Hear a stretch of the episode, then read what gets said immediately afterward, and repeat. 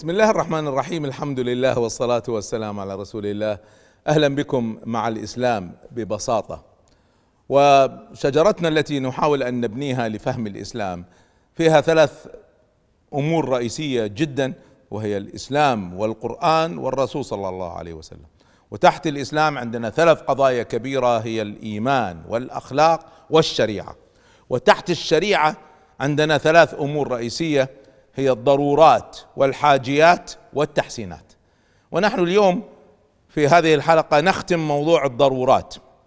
وقلت لكم أن الضرورات الرئيسية هي المحافظة على الدين الفردي والجماعي والمحافظة على العقل والمحافظة على المال الفردي والجماعي والمحافظة على النفس وجئنا للهدف الخامس الرئيسي والمقصد الرئيسي الخامس من الضرورات وهو المحافظة على الأسرة.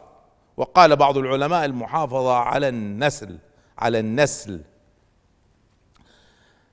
الأسرة لها فلسفة رئيسية جدا في الإسلام. تختلف اختلاف جذري هذه الفلسفة عن الفلسفة الغربية. اختلاف جذري. شوفوا في الغرب وإحنا عشنا معهم بأعماقهم. الفلسفة التي يقوم عليها الفكر الغربي بغض النظر عن الفلسفة الرأسمالية الاقتصادية وإنما الفلسفة الاجتماعية خلينا نسميها هي الفردية. فاحفظوا هذا الغرب ما تستطيع تفهمه إلا من خلال معادلتين رئيسيتين individualism وماتيرياليزم الفردية والمادية. أنا قاعد أبسط. قضايا الفكر المعقدة بشكل بسيط لأن الحديث هو ليس للنخبة الحديث هو لعامة الناس. فالآن الإنسان الغربي المال والغنى هذا هذا الحلم الأمريكي كما يقولون.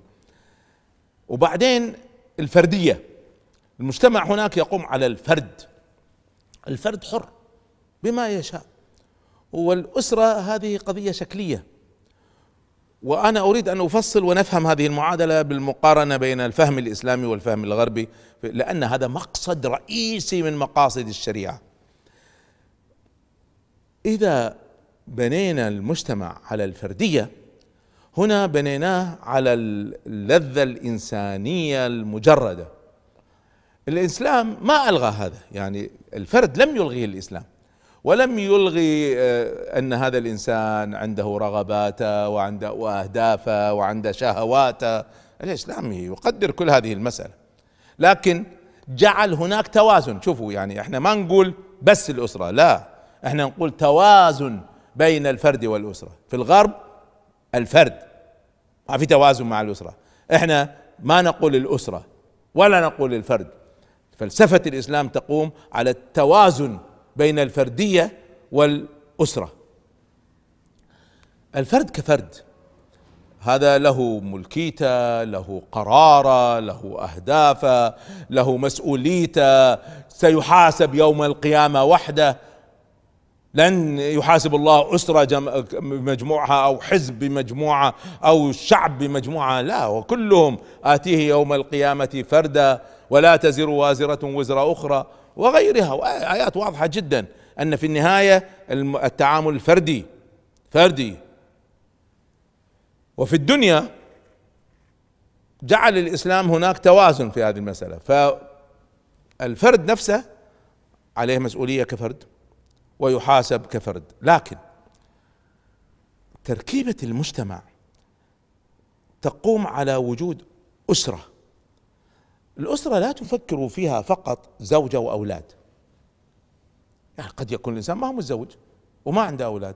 لا مع ذلك عنده أسرة. في مصطلح أنا أريدكم تعرفوه إذا بعضكم ما يعرفه وهو مصطلح اسمه العاقلة. أي واحد درس في الأحكام الشرعية الجنائية سيجد هذا المصطلح الواضح في الإسلام اسمه العاقلة. العاقلة بس عشان نفهم إيش هي العاقلة. اصلها اللغوي من العقل والعقل نفسه ليس المقصود به الإدراك الذهني. العقل معناها الربط.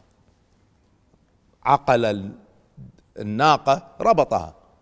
أعقلها وتوكل اربطها وتوكل. فالعقل يأتي من الربط. وذلك لما نقول واحد عنده عقل يعني فيه عنده إدراك يربط تصرفاته يتحكم فيها. تصرفاته غير منفلتة. ما هي ما, ما هي على كيفه؟ هو ضابط نفسه لأن عنده عقل. طيب ما هو مصطلح العاقلة؟ ها هذا مصطلح ما له ما ليس له علاقة بالعقل له علاقة بالربط. العاقلة في كل أسرة كل شخص وراءه مجموعة من أسرته مسؤولين عن ضبطه. إلى درجة أن إذا هذا الفرد عمل جريمة قال بعض الفقهاء هم المسؤولين إذا عليه هديه وما يقدر يدفعها العاقلة تدفعها. هنا يأتي إخوانه أبوه أحيانا عمه جده يعني لها تفصيل فقهي. بس واضح جدا أن هناك أسرة تربط تصرفات أفرادها. اذا من الذي يضبط تصرفات الفرد في الإسلام؟ يربطه أول شيء نفسه تقواه لله عز وجل. ثم تربطه العاقلة. ثم يربطه القانون. في الغرب هذا هذا النظام ما هو موجود أصلا ولا ولا فكروا فيه أصلا. التقوى هذه في الغرب ليس لها وجود أصلا ليس لها نظر. اللي يضبط التصرفات هو القانون واحترام الناس للقانون وهيبة القانون. وذلك في إحدى السنين لما صار انقطاع للكهرباء في نيويورك. في ليلة واحدة ليلة واحدة بس بنيويورك الوحدة فقط في نيويورك السرقات كانت 2 بليون دولار. لماذا؟ انفرط النظام. ما في رقابة من دولة ما استطاعت تضبط. انفلت الناس. فنرجع اذا هناك نظام اسمه نظام الأسرة.